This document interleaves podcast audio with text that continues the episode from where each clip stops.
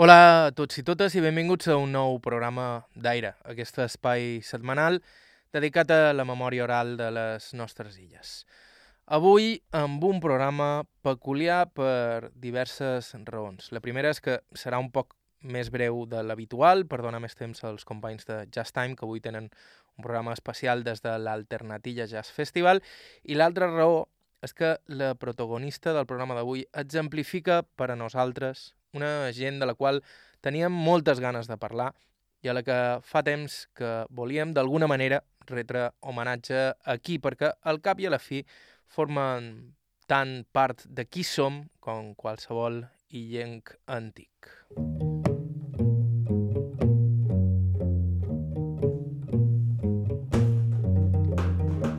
Parlam, evidentment, dels forasters. Na Josefa Romero, que és qui escoltarem avui, va néixer a Antequera, Màlaga, l'any 1927 i va viure una vida de privacions no molt diferent allà de la que es vivia per aquí en aquells mateixos anys. A finals dels 60 viatjaria a les illes amb el seu marit i les seves filles i s'instal·laria a Biniamà, a Mallorca i finalment a Lloseta, on nosaltres la vàrem entrevistar després de rebre un correu d'una de les seves netes.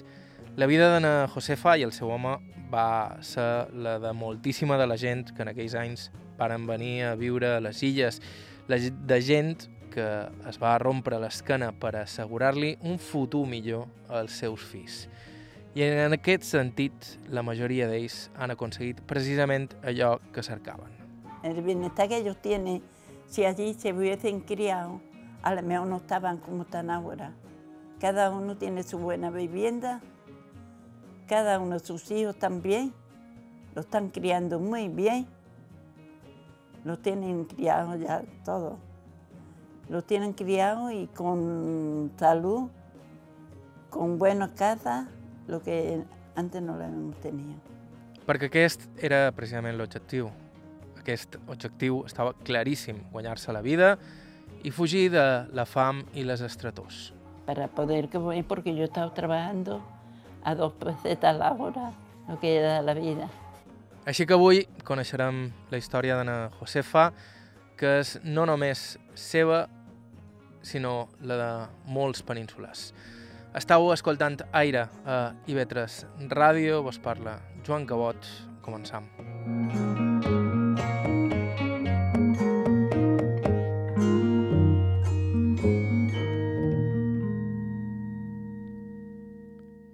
I ho feim a Joseta, com vos hem comentat, la neta de Josefa, Ana Maria José, ens va escriure un correu electrònic per parlar-nos d'ella i de seguida ens va encantar la idea d'entrevistar-la. Ella mateixa es presenta. Josefa Romero Carderón.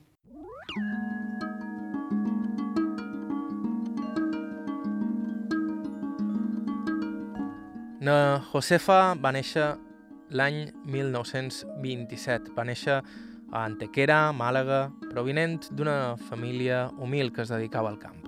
Mi padre al campo. No había. No había de aquí y todo en el campo. Ya hambre que había. ¿Y cuántos hermanos erais? Diez. Diez hermanos. El mayor, el mayor murió en la guerra. Con 18 años. Com ha comentat, a casa eren 10 germans, així que ella va haver d'anar a viure amb un padrí jove que no tenia infants. Mi estancia era más porque yo éramos 10 hermanos y mi madre tenía, eran cinco hermanos ellos y uno no tenía hijos. Y me llevaron con, un dos, con dos años. Y estuve con él hasta que tuve ocho años. Cuando tuve ocho años, mi, mi padre estaba trabajando en un cortillo, como le decían antes. Y buscaban un niña, una chica para jugar con un niño que tenía tres años. Y yo estaba con mi tío, pero mi padre me dijo, si quieres ir, va y habla con la señora aquella, a ver lo que te dice. Y entonces fui. Como era solo para jugar con el niño, porque era un salón grande. Y me dijo, bueno, te puedes quedar, te puedes quedar. Y con ocho años empecé a trabajar. Aquesta va ser la primera feina d'Anna Josefa, fent companyia al fill dels senyors, jugant amb ell. Ella no deixaria mai de fer feina des de llavors, encadenant una casa amb una altra. Yo no podía cogerlo porque ella me decía, el niño no lo vaya a coger nada más que de la mano. Cogerlo no. Y luego la señora me llevaba la comida a mí y al niño en una mesa que teníamos para los dos. Y ya toda la vida estuve allí, me vine con 15 años, 16 años, me vine de allí ya. Pero fue porque yo quise, no, no fue porque me echaron. Dejé el trabajo para irme a otro lado, porque yo tenía 15 años, esos 15 años ya salía un chico, ya. Y había un chico allí que siempre me tenía mareada. Y tiene que ser mi novia, y tiene que ser mi novia. Yo digo, lo mejor que hago irme de aquí. Y me fui a buscar otro trabajo. Me fui a un pueblo con un señor que había allí trabajando. Dice, te buscaré un trabajo con una señora que hay en Villanueva de la Concepción, que ella viuda. Y entonces me fui allí a trabajar. Y ya estuve trabajando muchísimo tiempo. Y luego después la señora ya cayó para abajo y no tenía y entonces me fui otra vez con mi tía. Después de irme con mi tía, había otro señor que tenía así una chica. Y fui yo a ver si, como no se había ido, pues fui a ver si me quería a mí. Y me dijo, sí, se puede venir, se puede venir. Pero ¿qué cree que me ganaba en, el mes? Ganaba 10 euros. 10 euros en los dos meses. ¿A cómo me salía? A nada. Era muy duro. Te enseñaban bien. Te enseñaban bien hacer las cosas, limpiar, planchar, todo eso te enseñaba. Pero luego, después de sí ganar, nada. Más bien por la comida. Para poder comer, porque yo estaba trabajando a dos pesetas la hora, lo que era la vida.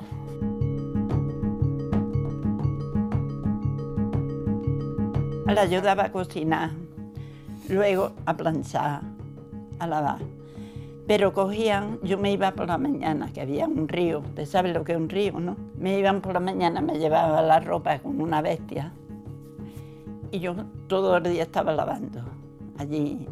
Y luego por la tarde iban a buscarla. Todo el día lavando ropa.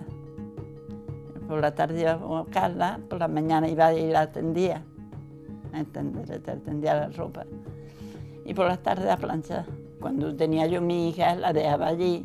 Si yo me iba a lavar, ja que era mayorcita. La seva filla havia nascut després de tres anys de matrimoni amb el que seria el seu home de tota la vida. La Josefa, així tot, continuava treballant a casa d'aquesta senyora, que de fet tenia un fill de la mateixa edat. Porque yo estaba trabajando con esa señora que te he dicho, estaba trabajando. Y de allí me casé, pero me fui otra vez. Y estuve casada allí hasta que me traje, tuve tres años sin cría, no tenía niños ni nada. A los tres años me quedé embarazada.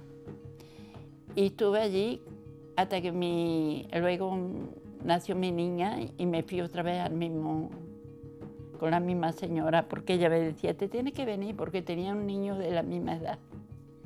Te tienes que venir, te tienes que venir. Y me fui. Y me vine de allí cuando mi niña tenía tres años. Pero tenía ya niño y le daba el pecho a uno y a otro. Pero era muy buena para mí, porque siempre, toma, tómate esto, tómate lo otro, tómate. Y siempre estaba, era muy. El marido no era bueno era muy mal para ella. Porque un día, lo voy a ir de aquí, a mí, digo, si me quiere despedir, que me despida. Porque le pegó a la mujer y la mujer cayó para atrás y estaba esperando de tener la cría. Que eso creo que hoy en día no, no hay eso. ¿eh? Porque hoy en día hace su matrimonio y enseguida lo meten preso, lo meten... Pero en aquel tiempo sí lo hacían. Y yo le dije, y tuvo una semana o más sin hablarme nada, nada. Pero yo dije, si no me habla y me quiere despedir, le decía yo a ella, si tu marido me quiere despedir, que me despida. Yo me voy, pero vengo a verte cuando él no esté. ¿verdad? Porque ella era muy buena para mí. Y no, luego a las dos semanas por ahí me dijo, te pido perdón por lo que hiciste de retirarme de mi mujer que no le pegara. Digo, pero es usted que es un hombre, no lo piensa usted, que es su señora. Y la, y la tiro usted para atrás, que está para dar luz. No piensa usted en eso. Y me dio, me dio esa, digo, pues no le tenía que haber dado. Le tenía que haber dado otras cosas y no darle de pegarle. Y ya, ya no me decía nada. Pero muchas veces a la hora de pagarme me decía, no te pagué cuando le pagué a los obreros que tenía. Digo, no señor, es que me parece que te me pagué. Digo, ya desde aquí para adelante, cuando me pague usted me da un papel. Diciendo que me ha pagado y ese papel se lo puedo yo presentar a usted. Porque usted no me paga a mí y me dice que me ha pagado. Entonces me pasaba mucho. Todas esas cosas. No pagaba. Es que era malo, era malo. Era malillo. Sí, el marit de la senyora era malillo, com diu ella, però no, Josefa me conta una història increïble que també demostra fins a quin punt la gent arribava a ajudar-se una a l'altra en aquells temps de fam. Pura solidaritat. No, Josefa solia comprar en una botiga que, a més de fiar-li, quan era necessari, la Madonna li va fer un regal impensable avui en. Era una senyora muy buena, muy buena era, porque si tenía, le pagaba. Si no, me llevaba. Cuando mi marido estaba trabajando, le pagaba, le iba pagando. Me vine aquí, le di la llave de mi casa, que me la regaló una señora. No era muy grande la casa, pero me la regaló. Y cuando me iba a venir, le llevé la llave a ver lo que ella quería hacer con la casa si se la quería dar a otra o lo que quería. Y me dijo, la casa de la da usted es para usted. Si usted se va a Barcelona y lleva allí un mes, un año, eso, si tiene que volverse, vuelve. Y si no, la vende. Y la vendimos. Y la vendimos barata en 300 mil pesetas, la vendimos. Bueno, pero nos la vendió un vecino de allí. Pero no teníamos nada y dijimos, vamos a venderla. No hay más remedio que buscarse la vida como puede uno.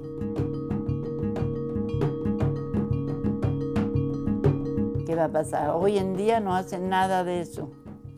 Pero yo estaba mala, estaba en el hospital mala.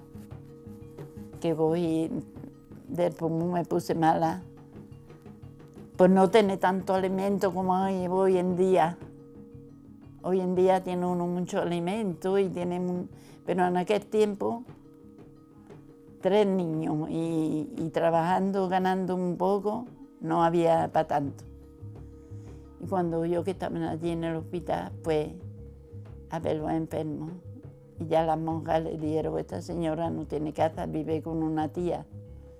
De cuando mi tío me crió de pequeña, pues vivía con ellos pero en una, habitación muy pequeñita. Pero bueno, allí estábamos. En aquel tiempo no se podía mirar cosas grandes ni pequeñas. Era lo que, lo que podía ver. Y la señora dijo, cuando salga de aquí, ¿quiere portar por mi casa? Y digo, ¿y dónde vive usted? Yo no dije dónde vivía. Ella me dio dónde vivía y dice, pasará, digo, bueno, pasaré. Yo pensé, digo, vamos ver lo que me dice. Y me dijo, ¿usted tiene casa? Digo, no, vivo con mi tío en una estación pequeña. Porque como me crié con él, ya luego después, cuando ya me casé y esto, puedo seguir con ellos. Y dice, bueno, pues tengo una casa allí de una señora que le estoy haciendo otra porque aquella la dejó y ahora no se la ha dado. Estoy haciendo otra para ella y esa te la voy a dar para usted. Y yo me quedé fría. Cuando me dijo que me le iba a dar, la verdad me dio un, repeluco que digo yo, ¿cómo me va a dar una gata? pues me la dio. Era pequeña, pero tenía una, dos habitaciones, una cocina y un poquito de patio. Pero estuvimos viviendo allí divinamente. A no tener, a tener, varia. I precisament per passar de no tenir a tenir, na Josefa i el seu home varen decidir abandonar Màlaga i viatjar fins a les illes per instal·lar-se a Mallorca. En uns segons escoltam aquesta història. Això és Aire i Vetres. Ràdio fem una breu pausa i continuem.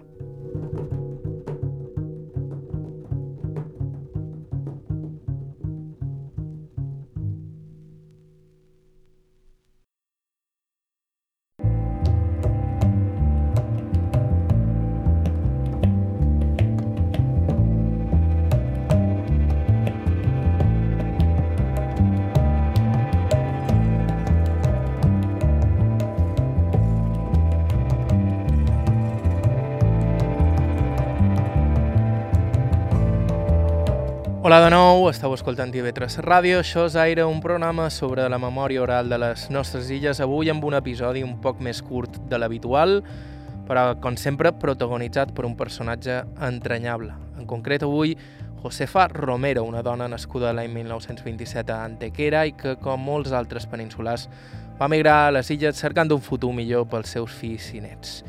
De fet, va ser la seva neta, qui ens va escriure per parlar-nos d'ella, cosa que també podeu fer vosaltres. Si ens voleu suggerir alguna entrevista o podeu fer enviar-nos un correu a aire.ivetresradio.com o deixar-nos un missatge al 971 13 99 31. Sempre estem cercant testimonis i gent que poden entrevistar. Nosaltres ens havíem quedat precisament en el moment en què na Josefa i el seu marit, amb una filla de 3 anys, decidiren partir cap a Mallorca fugint de les estretors de la seva Màlaga natal. Porque yo vine cuando tenía ya tres años ya. Vine porque mi marido se vino a, a donde nosotros estamos viviendo.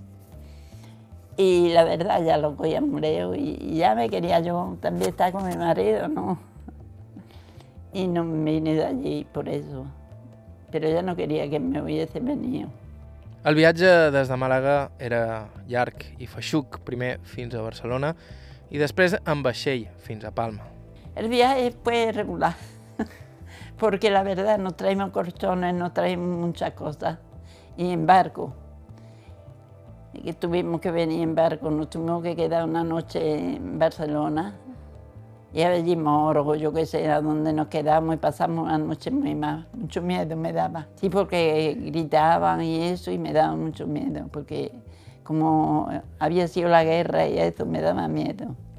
Ells no eren els primers d'Antequera que venien per aquí, ja hi tenien família que els esperava i pel camí conegueren altres famílies que prenien el mateix camí que ells. Tot i així, era impossible no enyorar-se. A los primeros me, me daba, digo yo, allí estaba mejor, pero luego después me pasó pronto. Estaba mejor allí en conocer gente y eso, porque claro, aquí no conocía nada más que era mi consuegra y a mi consuegro y a los hijos. Nos vinimos con una familia que ella era hermana de mi consuegra y nos vinimos con ellos también, que ellos venían cuatro, en matrimonio y tres hijos. Sí, tuvimos relación porque éramos conocidos y eso, sí no, lo pasamos mal. Viví, estuve viviendo con ella, estuve en todas partes, estuve viviendo con ella. Después me vine a vivir con una prima mía, una habitación que tenía vacía, me vine a vivir con ella. Pero claro, siempre yo estaba viviendo con ella. Luego después, pues me enteré de una que alquilaba, me costaba 10 euros y me fui a vivir pero la casa era malísima. Pero estuvimos allí mucho tiempo también viviendo. Y luego de allí ya me cambié a otro lado. Pagaba 40 euros. I així fuimos viviendo. I un cop instal·lats, totes aquestes famílies feien poca cosa més que fer feina i feina. Tant el seu home com la Josefa varen posar-s'hi fort i ella va fer de tot, des d'agafar ametlles i olives fer cases netes i sabates. Sí, yo estuve aquí trabajando mucho, estuve cogiendo almendras, cogiendo oliva, de todo eso cuando vine. Yo sí, todo eso estuve cogiendo. He trabajado mm, sirviendo así en casa de señores, he estado trabajando mucho. Luego aquí cogí tres casas, pero pagaba dos euros, a dos euros pesetas la hora. Estaba trabajando con la madre, con la hija y con la hija. Por la- luego los domingos, en la tienda que había de comestibles, pues me tocaba de ir a limpiar los domingos que estaba cerrada.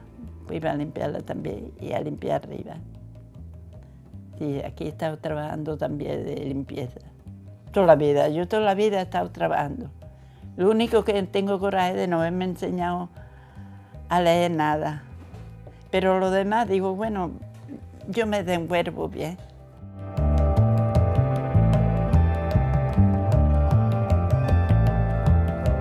No, no me trataban mal. Ahora que yo no aprendí una mallorquí. Yo hablo lo mismo que hablaba allí. Yo lo mismo, lo mío es mío. Y los mallorquines, los mallorquines. Hombre, el carácter sí, y de ir a comprar el habla también.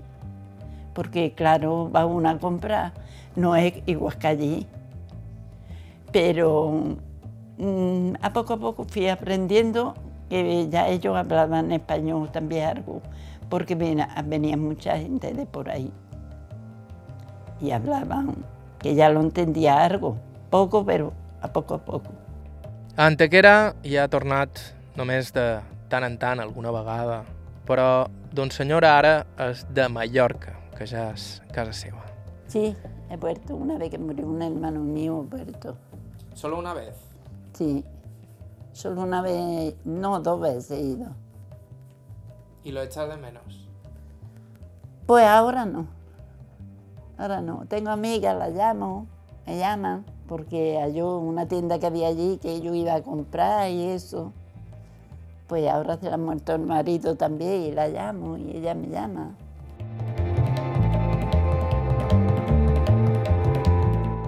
Y así fue la vida.